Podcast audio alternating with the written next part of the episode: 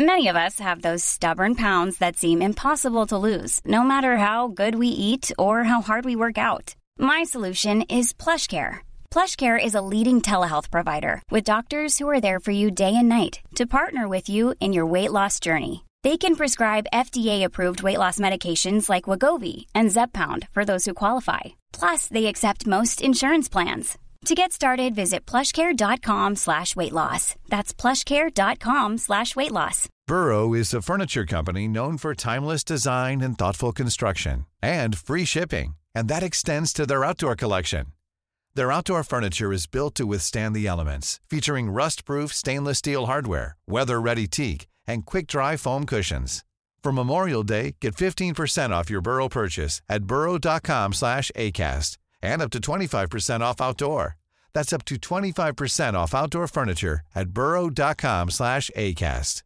Everyone knows therapy is great for solving problems, but getting therapy has its own problems too, like finding the right therapist, fitting into their schedule, and of course, the cost. Well, BetterHelp can solve those problems. It's totally online and built around your schedule.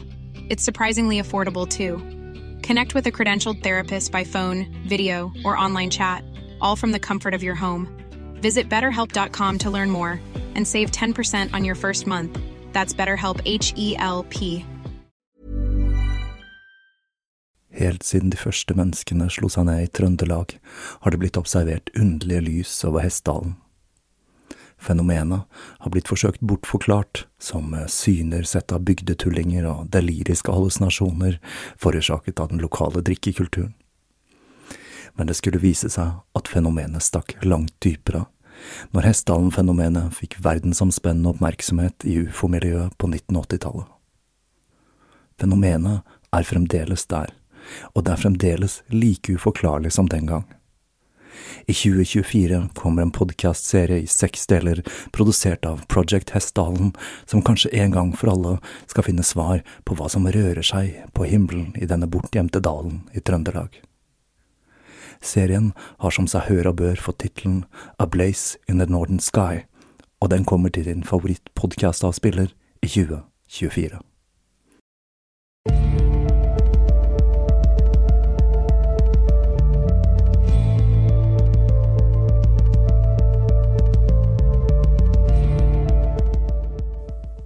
Hei og velkommen til Tåkeprat. Jeg heter Even, og når jeg tar opp denne episode 228, er det mandag den 20. november 2023. Nå har vi altså kommet til det siste kapitlet i serien om Nikola Tesla. Jeg må jo si at dette har vært en slags personlig reise for meg. Tidlig i serien opplevde jeg altså å bli utbrent, og jeg har gått fra å være 100% sykemeldt til 50, og til nå som jeg er tilbake i full jobb igjen og hele veien har jeg gjort det med Nikola Tesla ved min side.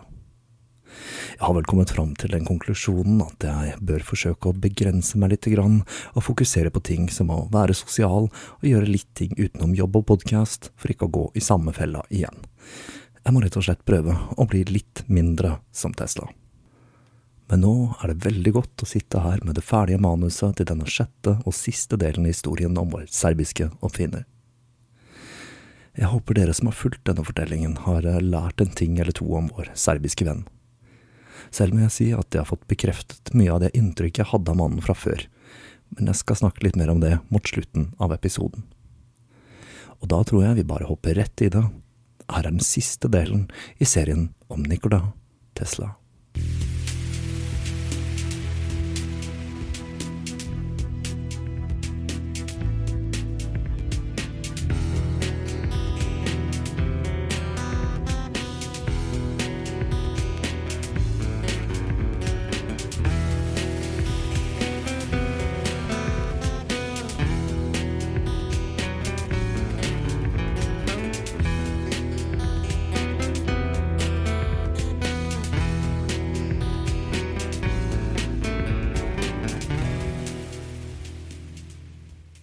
Bare to uker etter den første verdenskrig brøt ut, kuttet altså engelskmennene Tysklands transatlantiske kabel.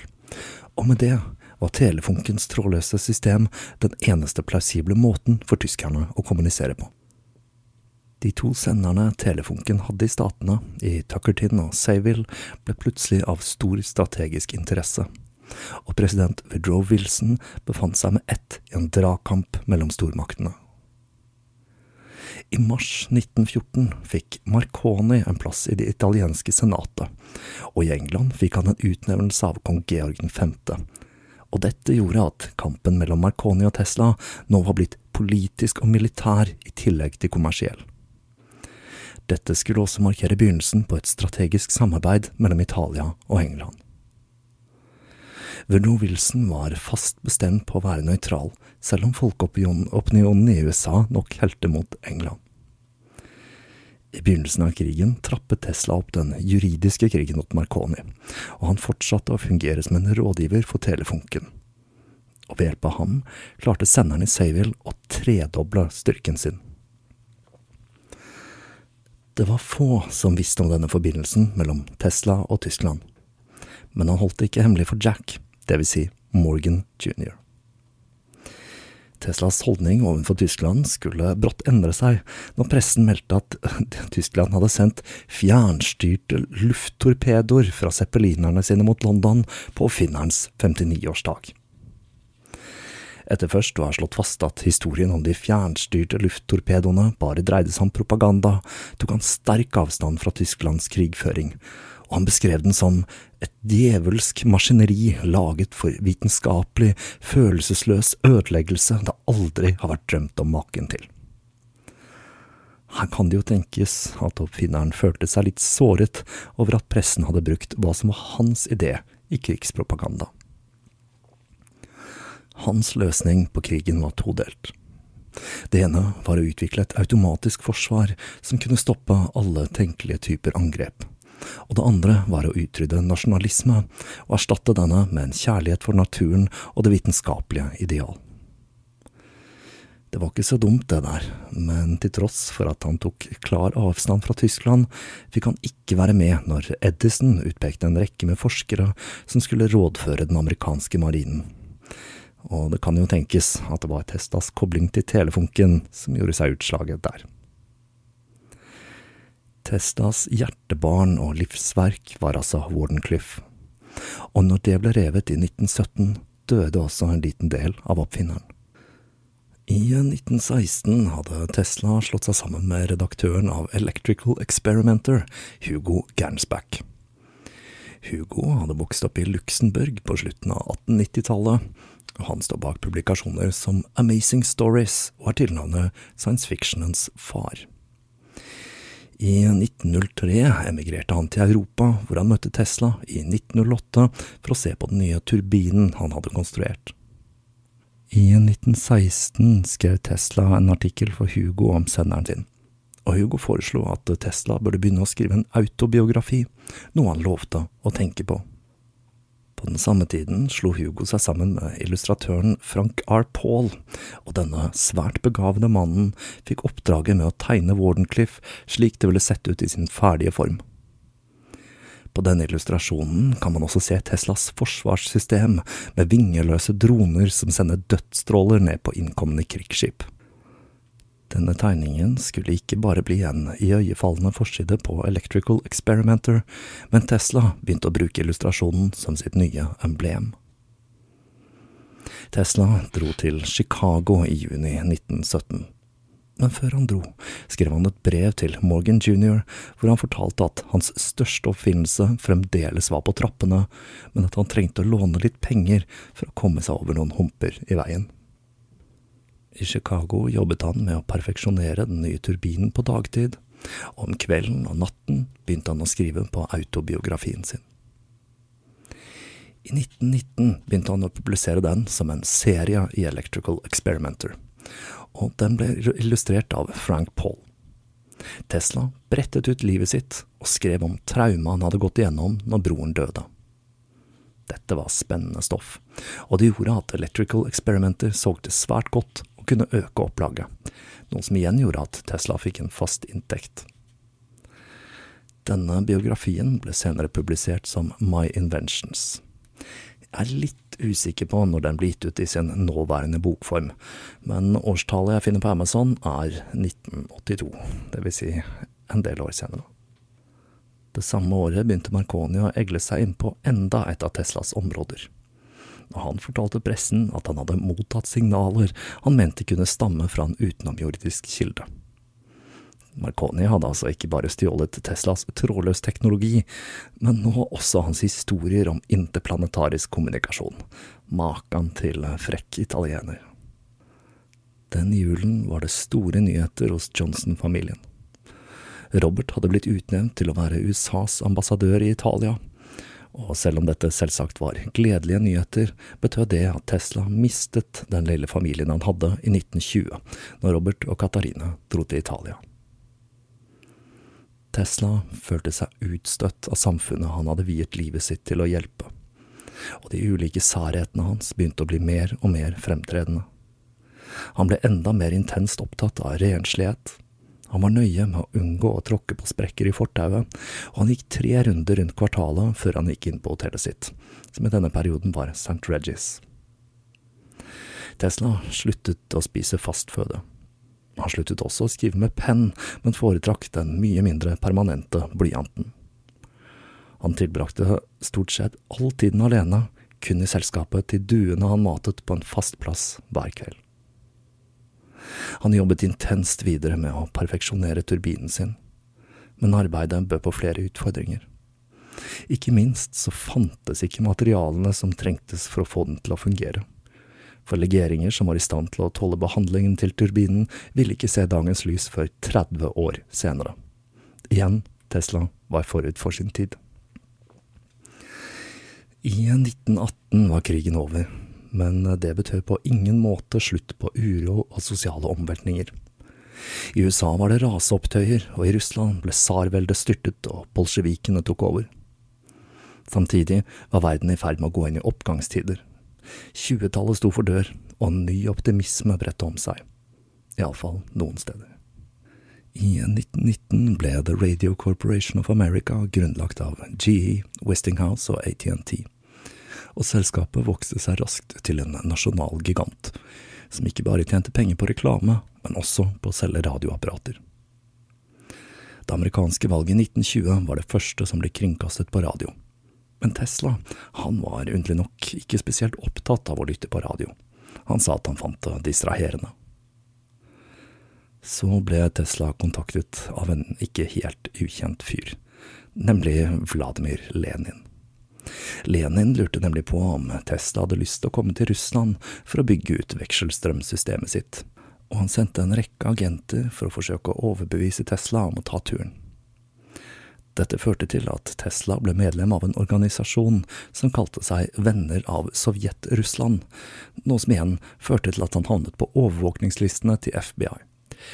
Og som vi skal se senere i historien, så var dette langt fra siste gang Tesla skulle havnes i søkelyset til FBI. Tesla var jo absolutt en revolusjonær, og han sto på arbeidernes side og ønsket å lette byrden deres. Men Tesla var også i høyeste grad en kapitalist, som hele livet forsøkte å oppnå drømmen om å bli en av den finansielle eliten ved hjelp av oppfinnelsene sine. Og for å komme med en liten spoiler her, så gikk det vel ikke akkurat helt sånn som Tesla hadde håpet. Men poenget mitt er at han hadde en ganske annen visjon av verden enn hva Lenin hadde. Tesla lot seg altså ikke friste til Russland. Men vi må jo spørre oss om det var noe annet som fristet til Tesla. For i denne perioden begynte nemlig et livslangt vennskap med den unge homofile journalisten Kenneth Swayze. De to ble kjent etter Kenneth hadde intervjuet Tesla, og han ble etter hvert Teslas forelegger.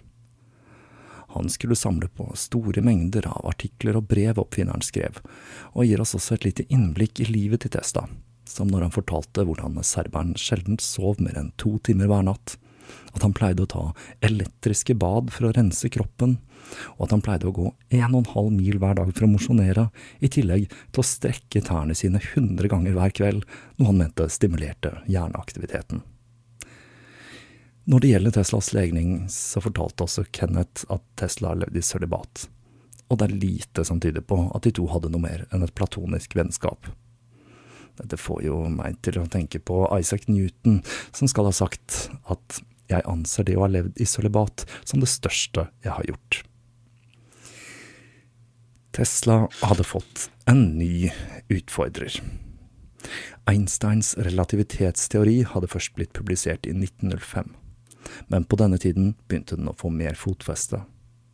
Med sin teori om tid, lys og rom feide han personer som tidligere hadde vært i rampelyset av banen, personer som Edison og Tesla. Tesla var dypt uenig i relativitetsteorien. Han mente nemlig at lys bøyde seg rundt store legemer som solen, fordi store legemer var påvirket av kraftfelt, som altså igjen bøyde lyset. Tesla var opptatt av mer esoteriske tema, som kosmisk stråling, som han mente kunne bli en fremtidig utømmelig energikilde som ville erstatte alle andre former for energi. Litt kryptisk sa han at solen er en av kildene til denne strålingen, men det behøver ikke å være dag for å kunne benyttes av den. I 1931 ble Tesla hedret med en omfattende artikkel i Time. Forsiden var preget med portrettet hans, og i tillegg til denne mystiske kosmiske strålingen som en potensielt utømmelig energikilde, snakket Tesla om sin nyeste oppfinnelse, Tesla-skopet, som var tenkt som et instrument man kunne kommunisere med stjernene med.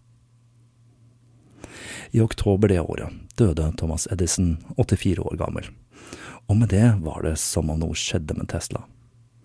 Plutselig dro han seg ut fra den eremittlignende tilværelsen sin og var igjen tilbake i rampelyset. Han gjorde det til tradisjon at han hver bursdag inviterte journalister hjem til seg for å vise fram sine nyeste oppfinnelser. Dette gjorde han for eksempel på sin 79-årsdag i 1935, hvor han mens journalistene spiste et gourmetmåltid, selv bare spiste brød og varm melk, mens han fortalte om sine siste framskritt innen interplanetarisk kommunikasjon, samt en fiffig metode han mente kunne brukes til å produsere billig radium.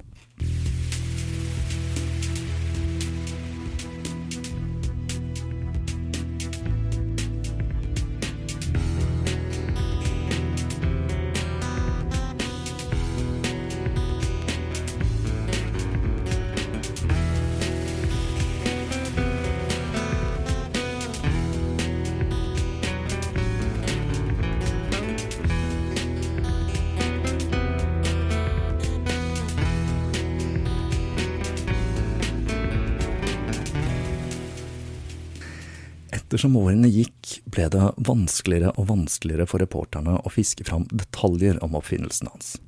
Han kom nemlig med en del spreke påstander.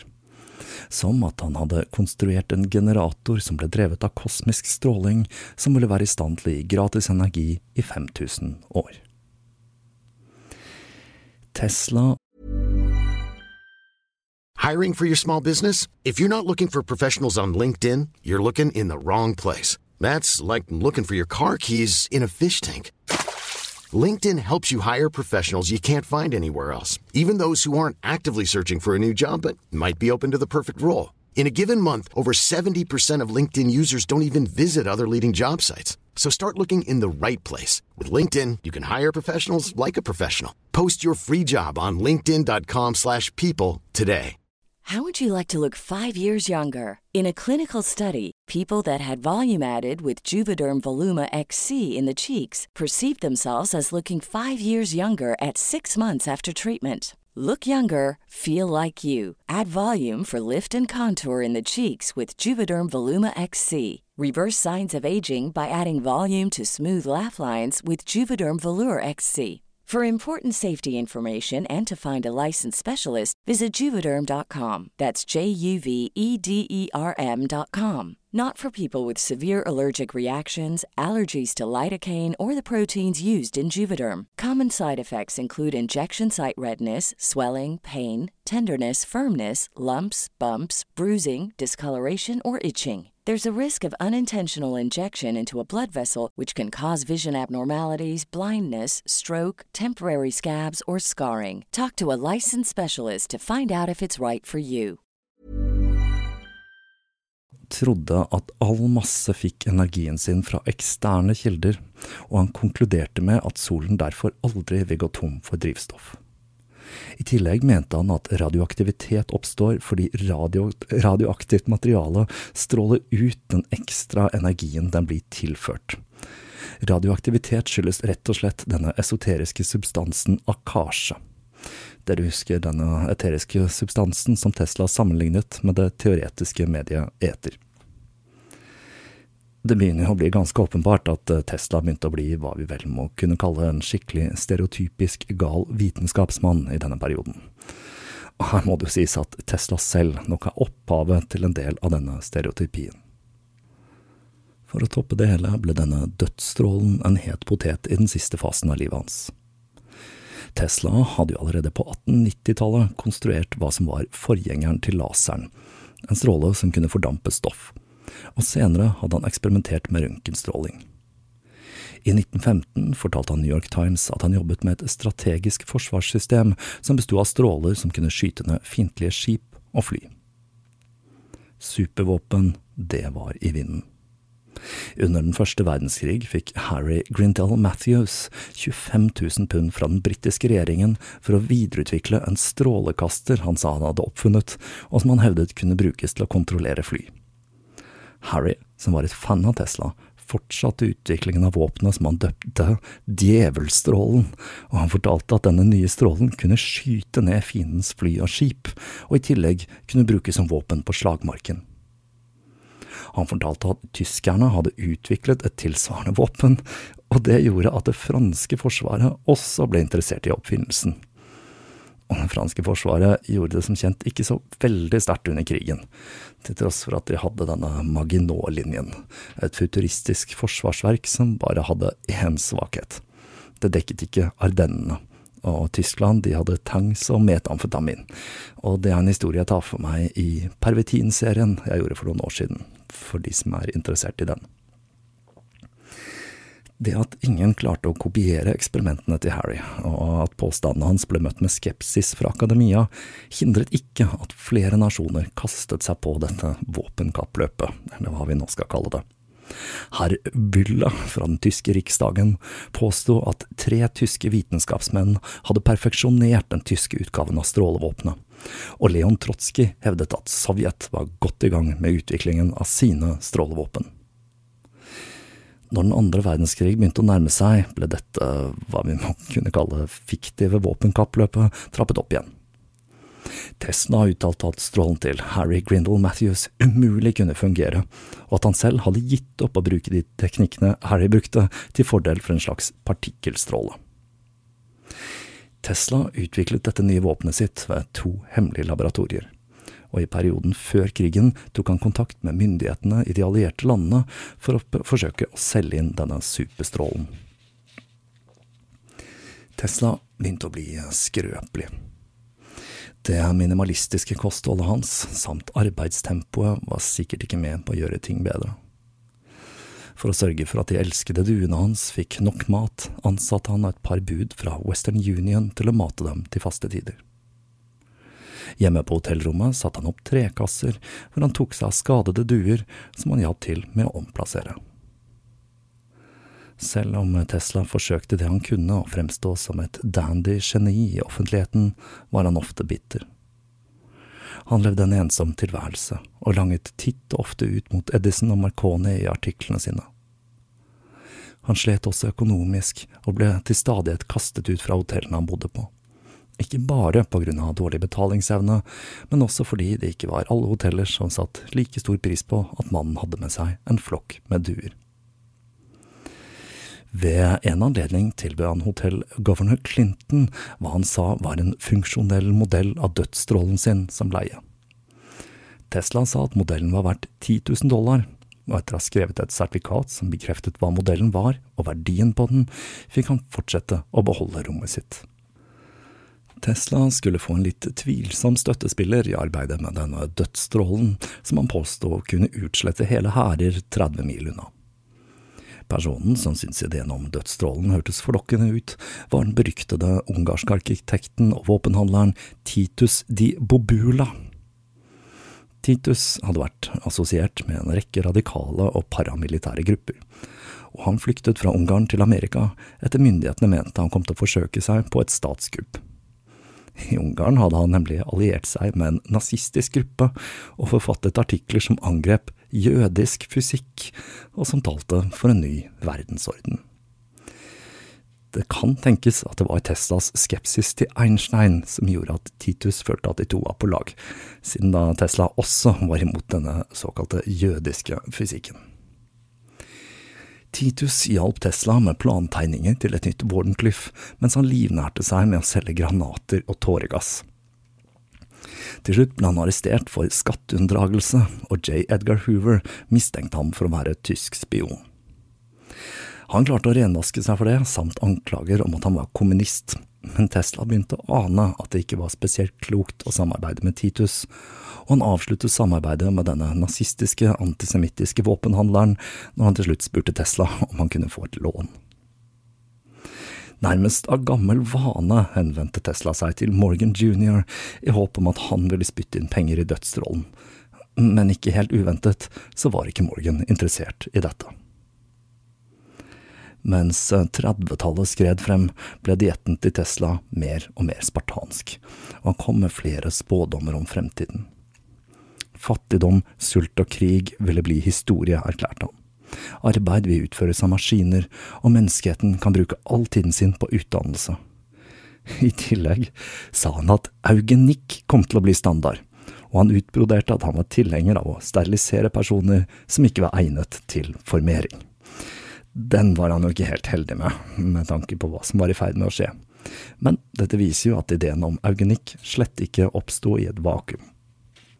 Når krigen startet, ble Tesla mer og mer svakelig, og han ble stadig mer nedsultet i gjeld. Når det kom et krav om 197 dollar for leie av lageret på Manhattan der han hadde alle eiendelene sine, ignorerte han det bare, og utleier svarte med å auksjonere bort eiendelene i en annonse i avisen. Dette la heldigvis Jack O'Neill merke til, og han kontaktet nevøen til Tesla, Sava Kasonovic. Han var blitt den jugoslaviske ambassadøren i USA, og han betalte den utestående gjelden og fortsatte å betale leien på lageret, slik at Teslas eiendeler skulle bli bevart for historien. Tesla sang på det siste verset. Han skrev. En natt mens jeg lå i sengen og tenkte på oppfinnelsene mine, fløy min kjære due gjennom vinduet og landet på pulten min. Når jeg så på henne, visste jeg hva hun forsøkte å si. Hun var døende. Når jeg forsto det, strålte det et lys fra øynene hennes, to kraftige stråler, og når hun døde, var det som om noe forsvant fra meg. Jeg visste at arbeidet mitt var over. Tesla fulgte sin kjære due til dødsriket den 7. januar 1943 i en alder av 86 år. Liket ble funnet av stuepiken. Men historien om Tesla, den stopper ikke der. I sine siste leveår hadde jo Tesla snakket om dette supervåpenet, og med oppfinneren død begynte FBI og deler av hæren, i tillegg til Office of Alien Property, å lete etter tegningene til våpenet. Dette Office of Alien Property, eller OAP, var et departement som beslagla eiendeler som tilhørte fienden, og de var operative under første og andre verdenskrig. Like etter Tesla ble funnet død, kom nevøen Sava med et lite følge med blant annet direktøren for RCA.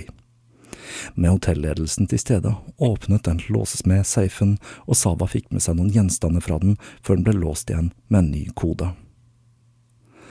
FBI hevdet at Sava hadde tatt flere verdifulle papirer med matematiske formler og tegninger av det nye supervåpenet.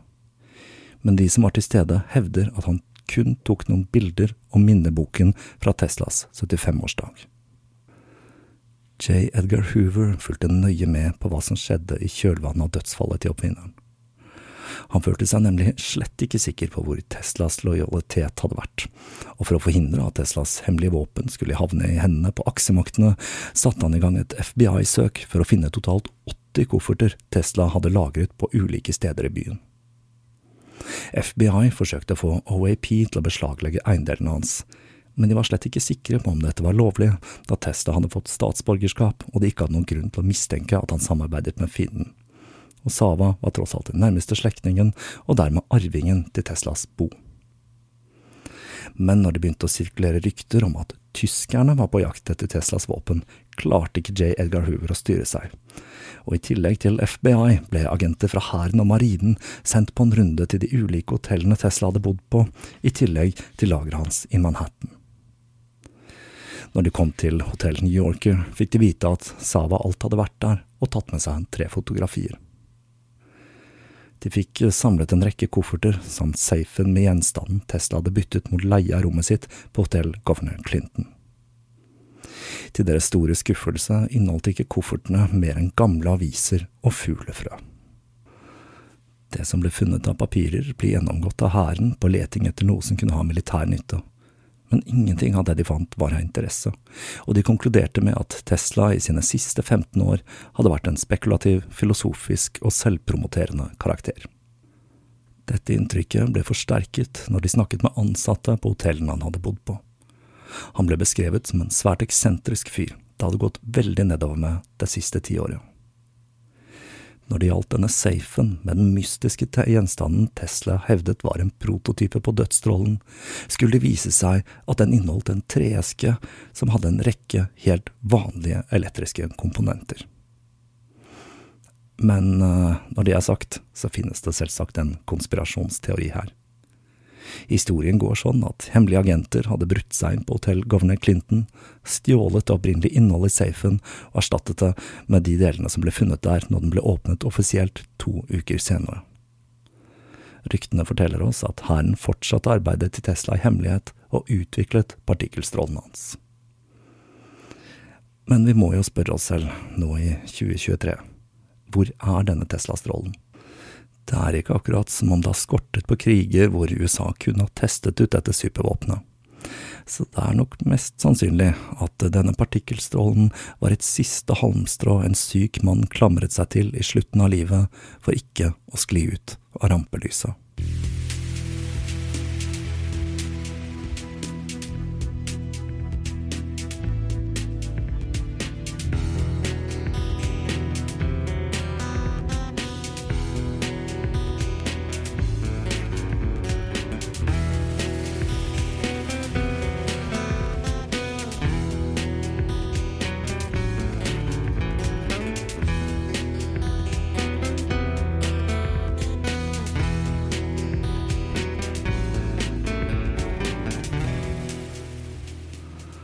Og det var det. I disse dager holder jeg på å lese biografien om Elon Musk av Walter Isaacson, og det er en fyr jeg føler har enkelte paralleller til vår serbiske Bartemann. En av grunnene til at jeg leser denne boka, er fordi Elon Musk er en så ekstremt polariserende fyr. Enten så elsker man han, eller hater ham, alt ettersom. Selv syns jeg det er litt vanskelig å avskrive mannen som har popularisert elektriske biler, og som har en visjon om å starte en menneskelig koloni på Mars. Det er nemlig en visjon og en drøm jeg deler med ham. Uansett, Elon Musk er utvilsomt en særing, og det samme gjaldt Tesla. I motsetning til Musk hadde Tesla hva vi må kunne kalle en ganske slett forretningssans, men han var i likhet med Musk villig til å ta store sjanser for å realisere drømmene sine.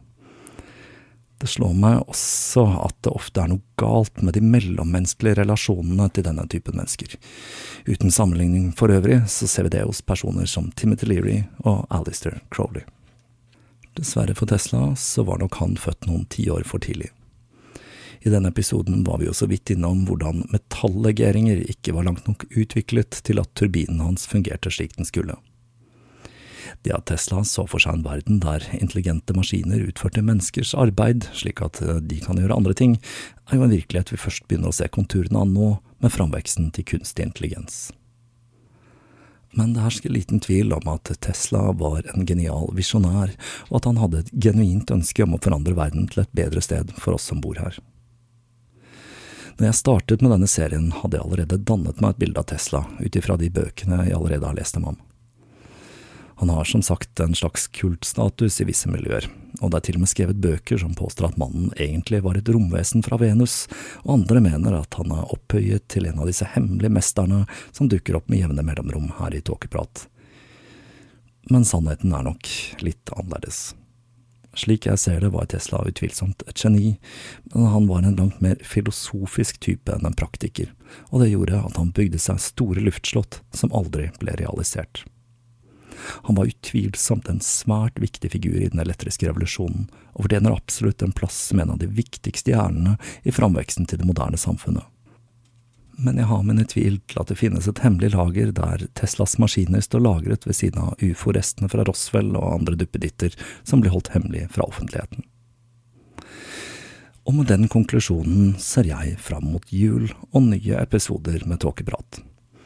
Enn så lenge er planen å få gitt ut et par enkeltstående episoder, før det blir en ny runde med den tradisjonelle julepratepisoden. Som vanlig vil jeg takke alle som støtter arbeidet til Tåkeprat, enten på Patron eller andre steder. Vi høres igjen om ikke lenge.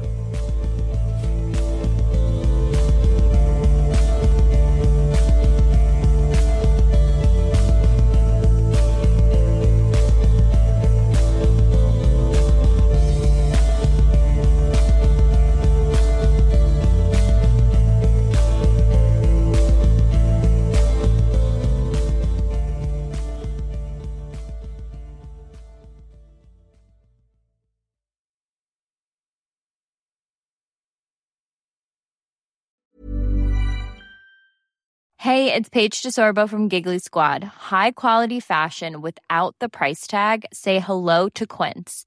I'm snagging high-end essentials like cozy cashmere sweaters, sleek leather jackets, fine jewelry, and so much more. With Quince being 50 to 80% less than similar brands.